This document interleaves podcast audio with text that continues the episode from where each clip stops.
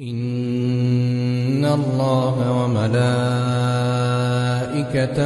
يصلون على النبي يا أيها الذين آمنوا صلوا عليه وسلموا تسليما. بسم الله الرحمن الرحيم. الحمد لله رب العالمين وأشرف الصلاة وأزكى السلام على أحب الخلق إليك. سيدنا وحبيبنا المصطفى وعلى آله الطيبين الطاهرين وأصحابه المنتجبين. اللهم لا سهل إلا ما جعلته سهلا وأنت تجعل الحزن إذا شئت سهلا. سبحانك لا علم لنا إلا ما علمتنا إنك أنت العليم الحكيم. بتوفيق الله عز وجل تحدثنا في الدروس السابقة عن المحبة وأقسامها وفي محبة العارفين بالله تعالى الذاكرين المقربين إلى الله تعالى. واليوم بفضل الله تعالى وتوفيقه بحثنا في محبة رسول الله صلوات الله تعالى عليه وآله. محبة الشيوخ والأولياء هي مفتاح لمحبة رسول الله صلوات الله تعالى عليه وآله. ولا يمكن لمسلم مهما بلغ من الطاعات والعبادات والأوراد والأذكار لا يمكنه الوصول إلى الله تعالى إلا من باب رسول الله صلى الله تعالى عليه وآله. لا يمكن.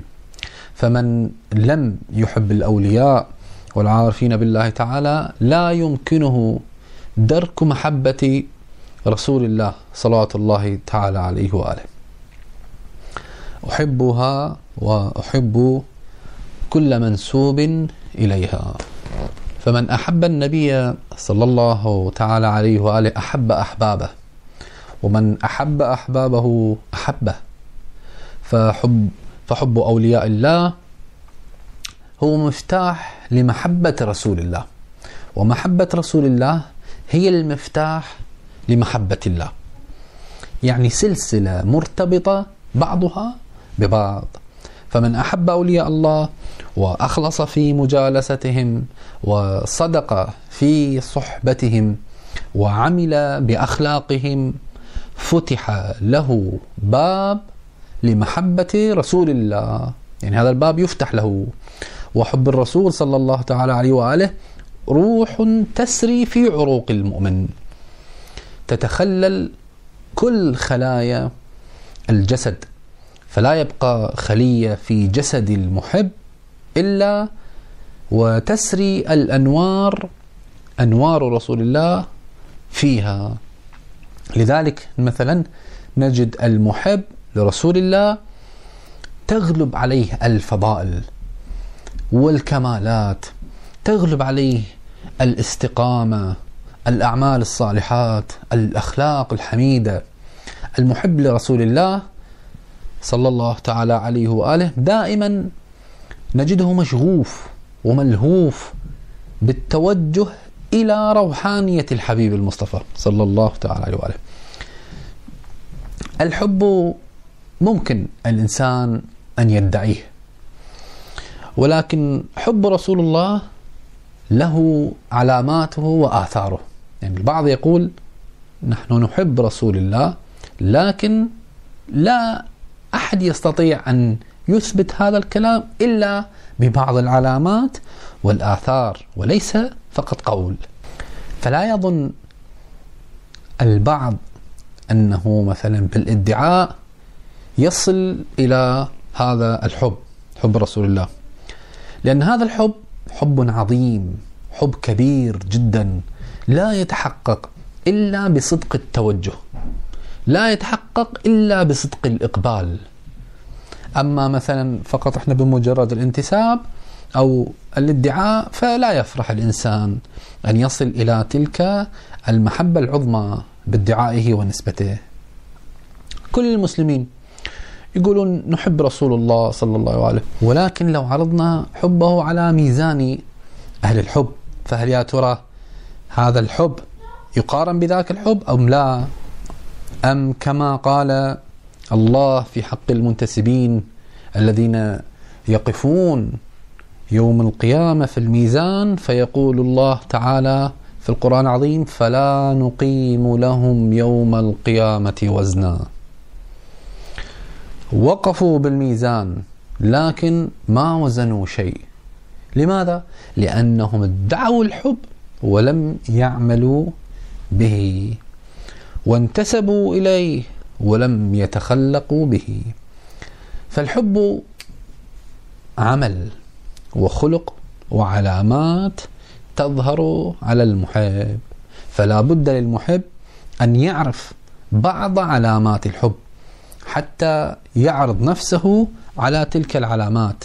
فإن كانت به هذه العلامات فيطمئن بحبه وإلا فليسعى بجد وإخلاص بحب رسول الله صلى الله تعالى عليه وآله. أولا سئل أمير المؤمنين صلوات الله تعالى عليه كيف كان حبكم لرسول الله صلى الله عليه وآله؟ المسؤول من؟ أمير المؤمنين. صلوات الله عليه. قال والله كان أحب إلينا من أموالنا وأولادنا وآبائنا وأمهاتنا ومن الماء البارد عند الظمأ الشديد. وأنت تعلم أهمية الماء البارد عند الظمأ الشديد. يعني الإنسان في صحراء وسيموت من العطش ويعطوه ماء بارد. لا أمير المؤمنين صلى الله تعالى عليه يقول أحب إلينا من هذا. هكذا كان حب أمير المؤمنين صلى الله تعالى عليه وأصحاب النبي أيضا. للنبي صلى الله عليه كان هكذا يحبونه. لأنهم سمعوا حديث الرسول صلى الله عليه وآله القائل لا يؤمن أحدكم. لا يؤمن أحدكم يعني إيمانا كاملا يدخله الجنة إيمانا يدفع عنه العذاب. يقول صلى الله عليه وآله لا يؤمن أحدكم حتى أكون أحب إليه من والده وولده والناس أجمعين. أنت لازم تكون مصداق لهذا الحديث. وكل حبيب أيضا يعرفك على حب رسول الله فحبه من حب رسول الله. لأن الإنسان لا يمكن أن يبلغ القمة بدون أن تكون له البداية. بداية ثم يصل إلى القمة. ولا يمكن أن تبلغ قمة حب رسول الله صلى الله عليه وآله ما لم تحب أحباب رسول الله. فهم المفتاح لمحبة رسول الله صلى الله تعالى عليه وآله. لا يمكن لإنسان أن يحب إنسانا آخر إلا أن يكون قد حصل على عطاء من ذلك الشخص الآخر. فواحد يسأل يقول ماذا حصلنا نحن من رسول الله صلى الله عليه وسلم يعني ماذا حصلت أنت من رسول الله؟ ما من مسلم. قال لا إله إلا الله إلا ولرسول الله عليه فضل ولولا رسول الله ما قال واحد منا لا إله إلا الله. فلا تفرح بأنك مثلا تفرح أنك قلت بالتوحيد ونطقت بالتوحيد. الذي هداك للإسلام وكلمة لا إله إلا الله هو الحبيب المصطفى صلى الله تعالى عليه وآله. فإذا عرفت أن رسول الله له عليك حق فعليك أن تخلص في محبته وتتبع سنته لكي تكون من أهل محبته. فيجب أن تكون صادقا في حب رسول الله صلى الله تعالى عليه وآله. وحب النبي له علامات. ما هذه العلامات؟ أولا أن تفضل رؤيته على نفسك. كيف؟ لو قيل لك أتحب أن ترى رسول الله وتموت أو تعيش من غير رؤية رسول الله. يعني تراه وتموت مباشرة أو تعيش بس بدون رؤية رسول الله. لو كان مؤمنا ومحبا لتمنى أن يراه نظرة ثم يموت ويلقى الله تعالى. أو يقول كفاني أنه مثلا أصلي على محمد وآل محمد إلى أن يشاء الله. ما ما أستطيع هذا الحال الأول. لأن الأول يكون من مصاديق حديث النبي صلى الله تعالى وآله. ما هو الحديث؟ يقول وددت لو أرى إخواني يتمنى أحدهم لو يفتدي رؤيتي بماله وأهله. فهل وصلنا إلى هذا المقام؟ نعرض الحديث هذا على أنفسنا أو نعرض أنفسنا على الحديث. فهل وصلنا إلى هذا المقام؟ اسأل نفسك. هذه من علامات المحبة. يعني لو يعرف الإنسان فائدة الرؤية. الرؤية بالمنام رؤية رسول الله صلى الله تعالى عليه وآله. كان بعض القدماء عندما يرى, يرى رسول الله في المنام آه، يذبح خروف. وبعضهم كان يذبح سبعة خراف. وكل مرة كان يرى فيها يذبح. يعني يراه في السنة مثلا ثلاث إلى أربع مرات في كل مرة يذبح سبع خراف. سبعة خراف يذبح فقط لأنه رأى رسول الله صلى الله تعالى عليه وآله. وكل مرة أيضا يقوم بنفس العمل. وأنتم تعلمون أن هذا من المال يعني هذا جزء من المال هذا يشتري هذه الخراف و ويذبحها. فكيف المحب يبذل أغلى ما يملك في سبيل نظرة واحدة؟ ورسول الله صلى الله عليه وآله يقول فمن رآني فقد رآني فالشيطان لا يتمثل بي. لكن طبعا هنا إشارة مهمة رؤية النبي ليست رؤية واحدة. لأن البعض يقول مثلا أنا رأيت رسول الله صلى الله عليه وهذا يقول وكذا وكثرة وخاصة في مثلا مجتمع النساء. ادعاء لأحلام كثيرة.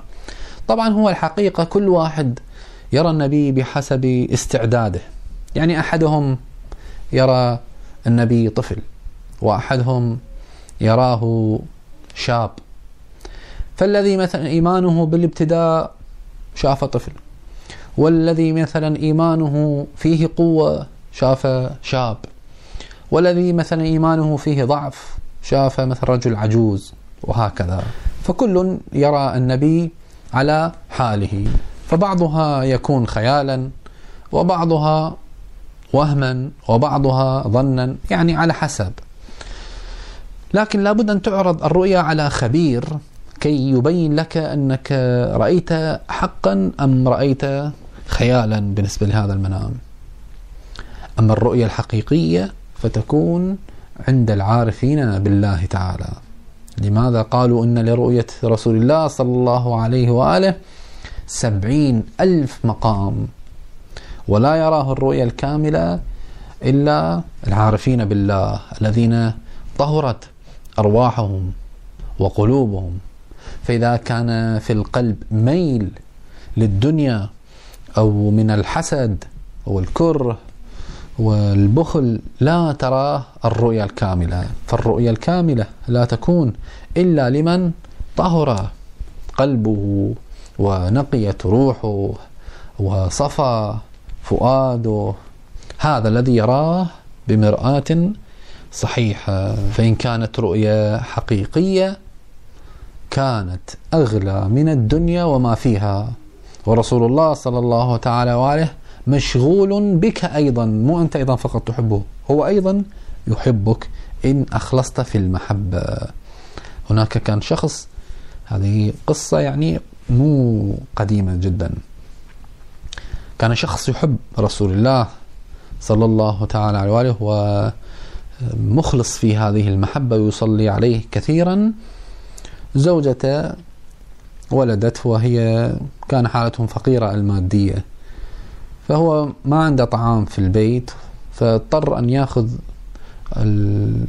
مثلا الجدر وياه ويطلع برا يقول يا رب أنا هذا لازم أجيب لها أكل أطعمها لازم أسوي لها. ولكن إذا ما حصلت أنا سأنتحر سأرمي بنفسي خلاص شوف لي فت سيارة وأنتحر. شوف هذه بعض الأخوة ما ينتبهون أنه شوف النفقة شوف هذا الرجل بسبب إيمانه أنه لا يستطيع أن يرى زوجته مثلا جائعة أو شيء أبدا لا يبين وهذه من قوامية الرجل أنه ينفق على المرأة. هذا كثير من الرجال يغفلون عن هذه النقطة. إياك أن مثلا تظهر لزوجتك أنك مثلا دائما مفلس أو ما عندك. لا أبدا. هذا أمر يعيب وقد يكون بخلا أو كذا. يجب أن ينتبه إليه المؤمن. المهم ذهب هذا الشخص وهو في الطريق فصادف أحد المؤمنين فقال له أنت لست فلان ابن فلان؟ قال نعم. قال تفضل هذه عشرة آلاف. أنا اليوم رأيت في المنام رسول الله صلى الله تعالى عليه يأمرني أنه أعطيك مع أنه أنا ما عندي علاقة بك قوية لكن أمرني في المنام أنه أعطيك هذا المبلغ. فأعطيتك. تفضل هذه العشرة آلاف. وهذه أيضا عشرة آلاف أخرى. إلا هذه لأني رأيت رسول الله صلى الله عليه يعني فرحا بهذا بهذه الرؤيا. وهذه أيضا خمسة آلاف. شكرا لك لأنك قبلت الهدية. فسبحان الله خرج من المنزل وهو يعني شبه راح ينتحر لأنه ليس معه طعام. ولكن حبه لرسول الله صلى الله عليه عاد بمبلغ كبير. شوف سبحان الله كيف أن رسول الله صلى الله عليه كان أيضا مشغولا بهذا الشخص. هذا الحب أن تفكر في الحبيب والحبيب يفكر فيك. إذا أول شيء أن تكون رؤية رؤية رسول الله صلى الله, صلى الله تعالى عليه أهم شيء لديك. هذه من علامات المحب ولا تكون محب حقيقي حتى الحاسد والمبغض يشهد لك بالحب. يعني حتى أعداءك يشهدون لك بالحب والفضل ما شهدت به الأعداء. أعداء النبي صلى الله تعالى عليه وآله بماذا شهدوا له أعداؤه؟ قالوا محمدا عشق ربه. وهذه القصة أيضا عن هذا الصحابي الذي أتى إلى رسول الله صلى الله عليه وآله وكان مصفر اللون وجهه شاحب وقال أوحشتني يا رسول الله وبكى. فقال له النبي صلى الله تعالى عليه وآله أهذا يبكيك؟ يعني هذا لأنه فقط أنا وحشتك تبكي؟ فقال لا يا رسول الله ولكن تذكرت مكانك في الجنة ومكاني فذكرت الوحشة يعني أنه أنت وين مكانك في الجنة وأنا وين مكاني؟ كيف سأراك؟ فنزل قول الله تعالى ومن يطع الله والرسول فأولئك مع الذين أنعم الله عليهم من النبيين والصديقين والشهداء والصالحين وحسن أولئك رفيقا. الله. إذا لا تخاف. أنت مع من تحب. فالعارفون بالله تعالى تجدهم دائما في حرقة لرؤية رسول الله صلى الله تعالى عليه وآله. من علامات المحب إذا حكم عليك بحكم أن تستسلم لحكمه دون انتقاد. ما تنتقد حتى وإن حكم عليك بشيء أنت تراه جائر. أن تستسلم وتنقاد لذلك الحكم. قال تعالى فلا وربك لا يؤمنون حتى يحكموك فيما شجر بينهم ثم لا يجدوا في أنفسهم حرجا مما قضيت ويسلموا تسليما. شوف الآية صريحة بهذا المعنى. يعني يكون حكمه عليك أغلى شيء بحياتك. تصور. بعضهم يقولون الشيخ يقسو علينا أو الشيخ يعاملنا مثلا شوي ناشف لا أبدا. هذا فحص للحب وامتحان لمحبتك. أولا الرضا بحكم محبوبك عليك. فهل لديك هذا الاستعداد؟ لأن بعضهم يرمي خمسين شيخ من أجل مثلا شوية فلوس يعني حفنة من النقود. بعض المريدين كان يستشير شيخه قصة أحد المريدين أيضا. جاء لشيخه يريد أن يذهب إلى الحج. فسأله الشيخ هل حججت؟ قال نعم لكن أريد أن أذهب مرة ثانية. فقال لا أنت المال أعطه لفلان هذه فلوس الحج أعطيها لفلان. فقال السمع والطاعة. راح وأعطاه فلان. فجاء مرة ثانية للشيخ قال له أعطيت لفلان؟ قال نعم. قال له الآن تأذن لي؟ قال له شنو عندك كم فلوس تروح بالحج؟ قال نعم. قال له هذا المال أو هذه الأموال أعطيها لفلان هذا طالب علم فلان. قال السمع والطاعة ذهب وأعطاها. عاد مرة ثالثة إلى الشيخ قال يا شيخ إني أريد أن أذهب إلى الحج أيضا. قال أعطيت فلان؟ قال نعم أعطيت الأول وأعطيت الثاني. قال له الآن اذهب. شوف يعني دفع للحج ثلاث مرات فقط سمعا وطاعة لشيخه. هذه هي المحبة. فالحب ما فيه مخالفة.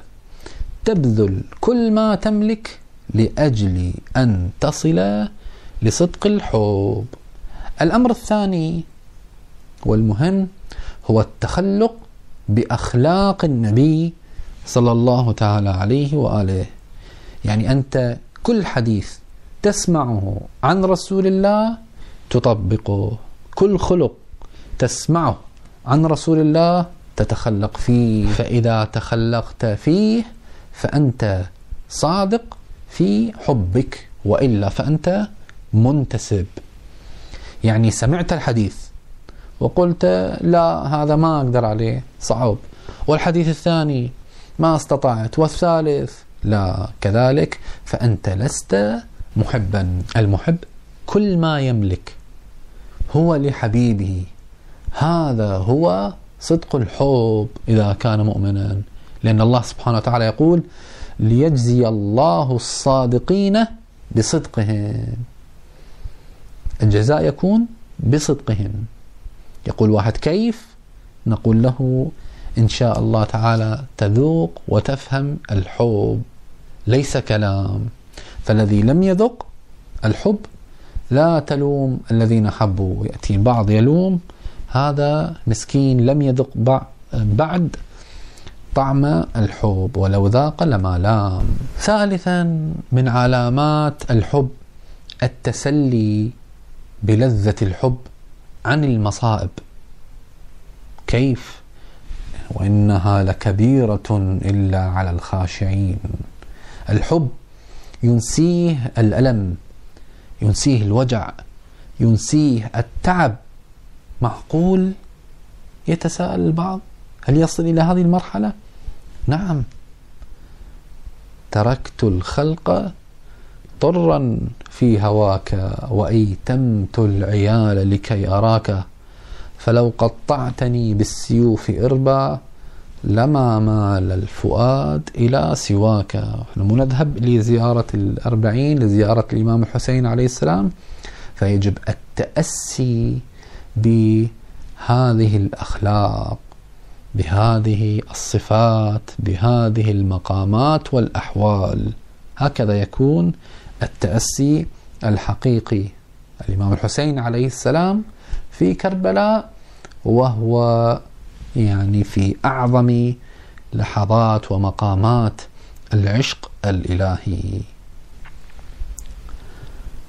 رسول الله صلى الله تعالى عليه وآله يقول إذا أصاب أحدكم مصيبة فليذكر مصيبته بي فإنها من أعظم المصائب. ما هي المصيبة؟ مصيبة فقد النبي. صلى الله تعالى عليه وآله. وفي الحديث من صلى علي حين يصبح عشرة وحين يمسي عشرة أدركته شفاعتي يوم القيامة. شوف عشر مرات صباحا وعشر مرات مساء تدركك شفاعة الرسول صلى الله تعالى عليه وآله. فالمحب لا ينسى من يحب. دائما أمامك دائما على بالك. واحد يقول وهل يجوز أن نتصور النبي أو لا؟ ماذا نقول نحن في التشهد في الصلاة؟ في تشهد الصلاة ماذا تقولون؟ مو تقول السلام عليك أيها النبي السلام عليك ولا عليه؟ السلام عليك فتصور يعني أنت تتصور رسول الله صلى الله تعالى عليه وآله أمامك.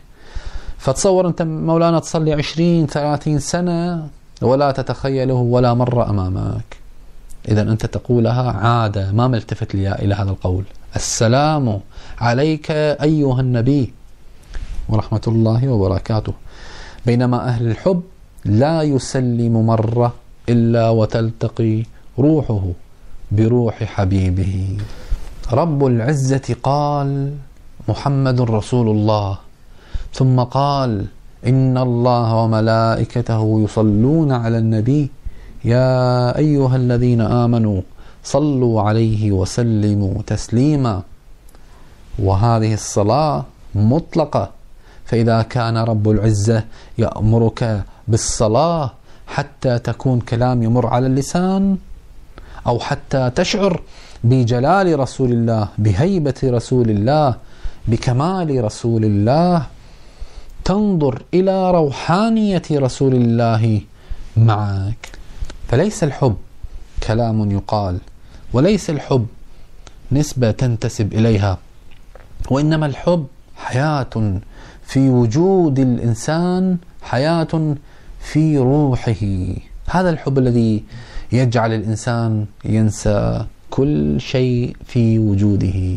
حبيب ليس يعدله حبيب وما لسواه في قلبي نصيب.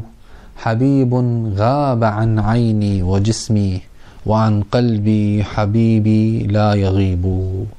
فهل تستطيع أن تصل إلى هذه الحالة وهذا المقام؟ ولذلك قال صلى الله تعالى عليه وآله أحب الله لما يغذوكم به من نعمه وأحبوني لحب الله وأحب أهل بيتي لحبي.